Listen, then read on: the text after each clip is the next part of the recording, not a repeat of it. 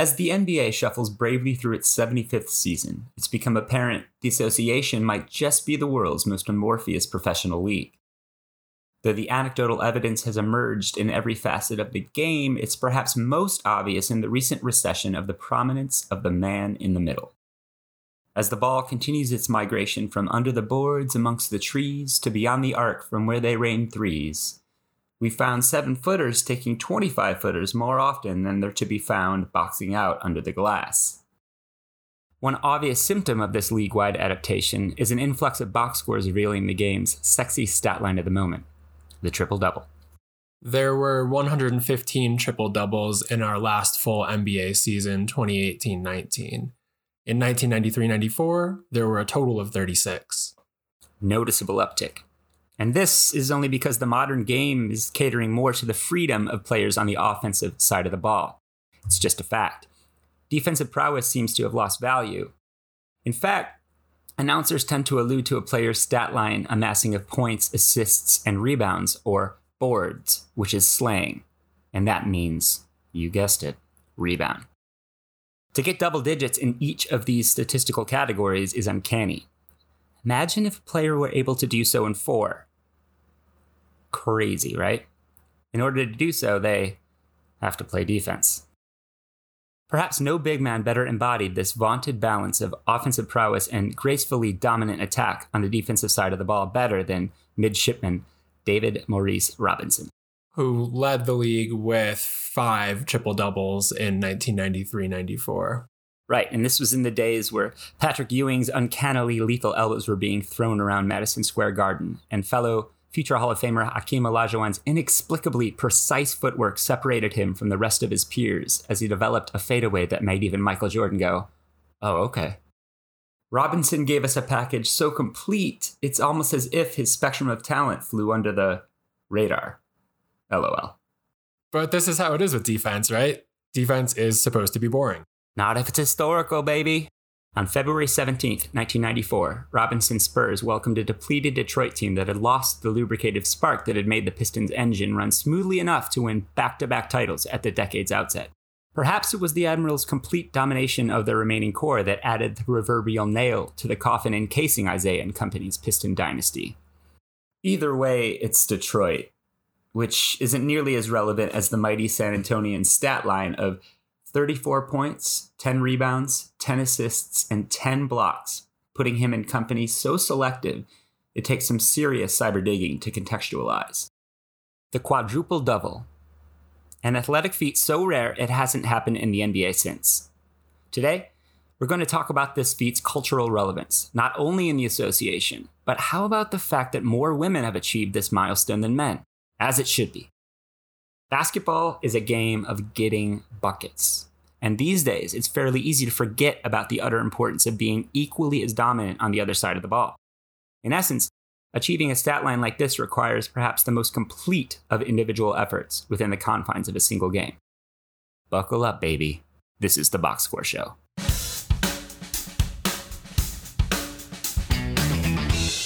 I'm Chris DeSalvo. And I'm Kevin Chroust. This is episode two of the Box Score Show, a podcast created by The Analyst. We are discussing one remarkable box score each week with all sorts of info about its relevance then and now. In terms of games, we're going to try to not be too obvious with the box scores we choose. And in terms of stats, we're not going to go over your heads or ours. Rather, we'll stick to the stats we all grew up understanding in box scores. And after listening, check out The Analyst, where we're also writing about box scores and producing plenty of other data driven sports storytelling. That's at theanalyst.com. Welcome to the Box Score Show. Episode 2 Four Category Admiral. So it was February 17th, 1994, in San Antonio, fourth quarter of a Spurs Pistons regular season game. Folks, get a look at that because I don't know if you'll see that again this year or for a few years. A few years? What NBA Hall of Famer David Robinson accomplished that random Thursday in February actually hasn't happened in the 27 years since. Right, an entire generation.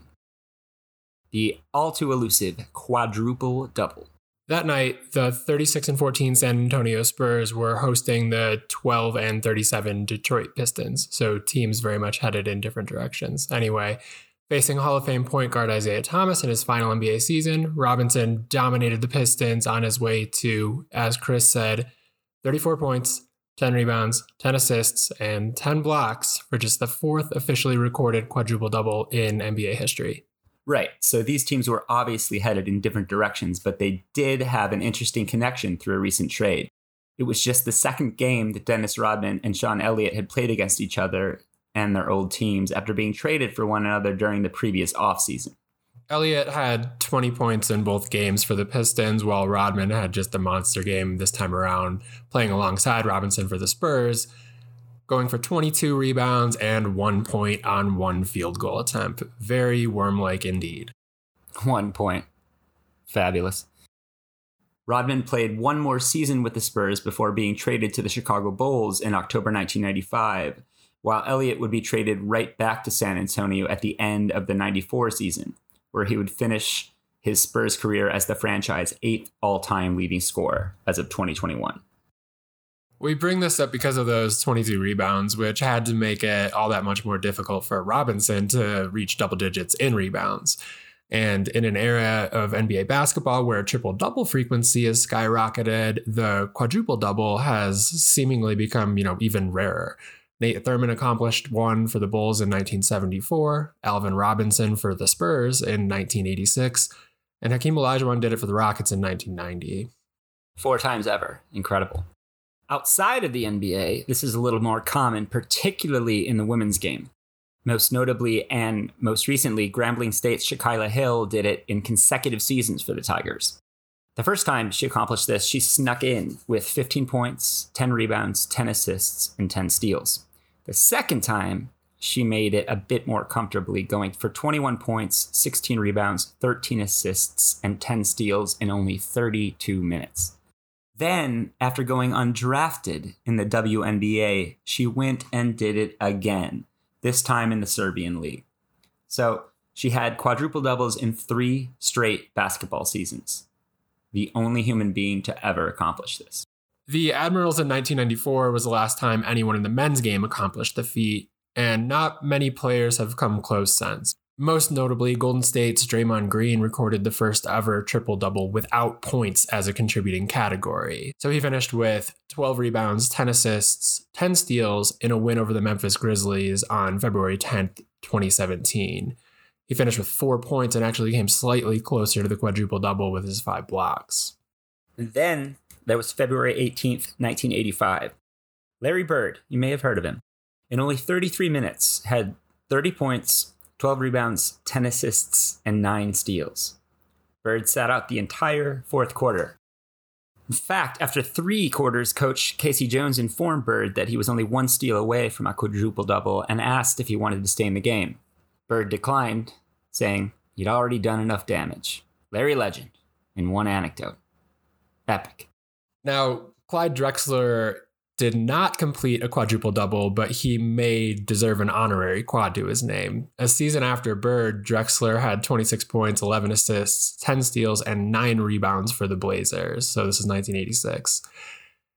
He had 7 turnovers in that game and they lost to the Bucks.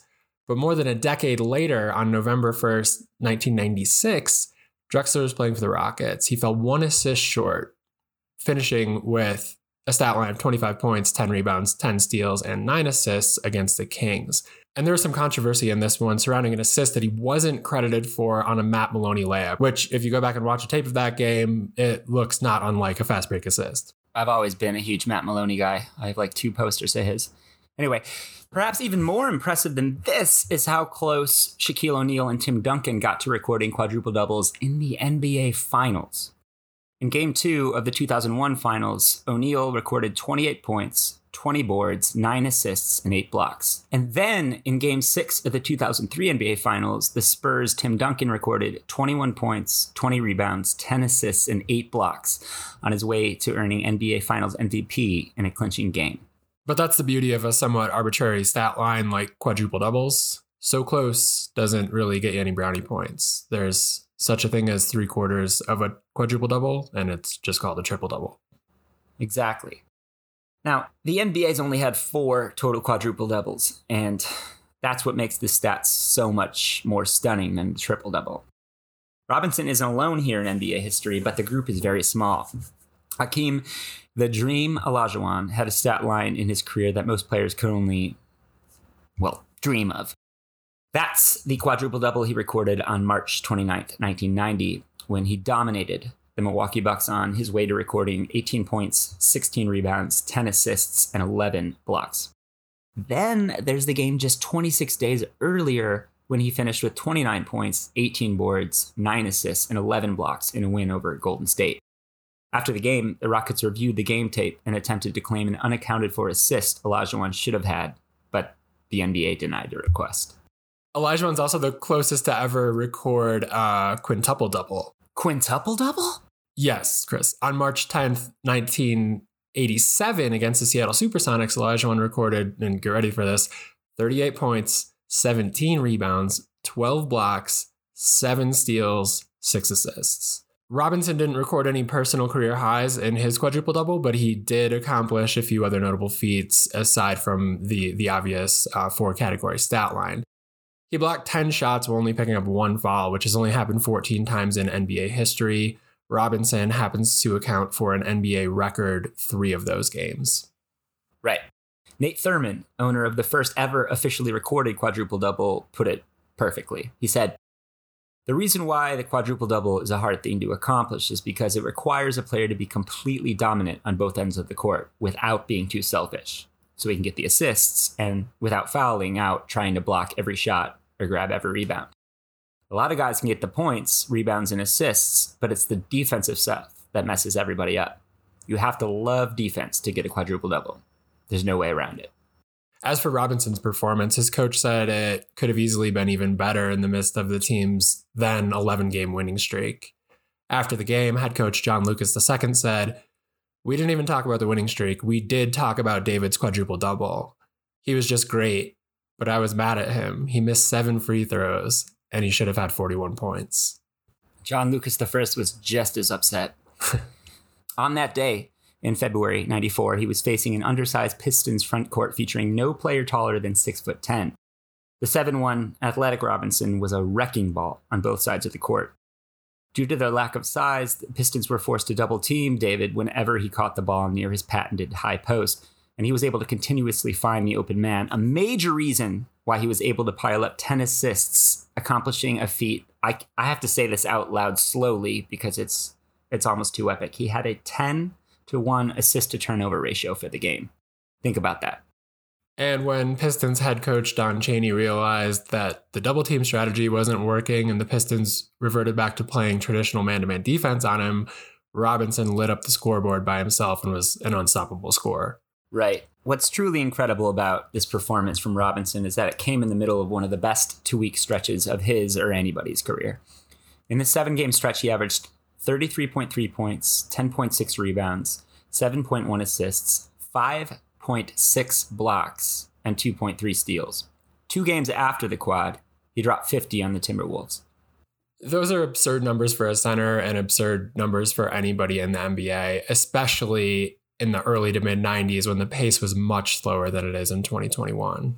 Right, and equally as absurd is how good the Spurs were in the middle of the 94 season. This win was part of a 13 game winning streak for Lucas's squad and part of a larger 24 and 3 stretch from Christmas to February 21st. For context, it was the third longest winning streak of Robinson's career. And after Robinson retired, the Gregg Popovich and Tim Duncan Spurs only had three 13 game winning streaks and only ever won 24 games in a 27 game stretch twice in 13 years. Right. And this particular winning streak was all thanks to Robinson. Let's just be honest. 1993-94 was perhaps his best statistical season in the NBA, a year in which he averaged career highs in points per game, 29.8, which led the league, uh, assists per game, 4.8, and while his rebounding took a slight hit due to playing with the worm, he still averaged a respectable 10.7 rebounds per game to go along with elite marks in steals, 1.7, and blocks, 3.3, all while playing a career high 40.5 minutes per game.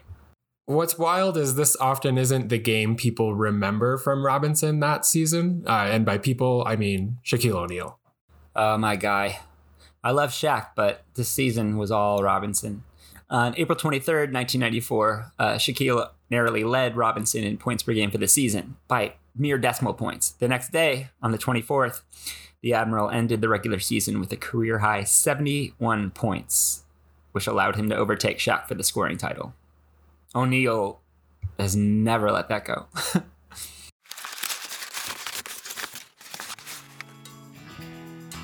That's it for the second episode of the Box Score Show. This episode was written by Kevin Chroust, Andrew Fenishow, and me, Chris DeSalvo. Produced by Graham Bell. It should be pointed out that we wouldn't be able to do this show without the Stats Perform research team because Kevin and I tend to screw things up. A lot. A lot. Thanks for listening. We'll be back, and until then, head over to theanalyst.com for plenty more data driven storytelling. And you can send suggestions for box scores you'd like to hear about on the show or read about on the site to editors at theanalyst.com. And please be sure to let us know what we may have overlooked from this box. And if you just want to drop us a line to say hello, send us some posted mail. We can't get enough. That was Kevin Chroust, and I'm Chris DeSalvo. And for episode three, we're going back to the diamond for a box score that should forever stand as Major League Baseball's argument against the Mercy Rule. This has been The Box Score Show, a production of The Analyst and Stats Perform.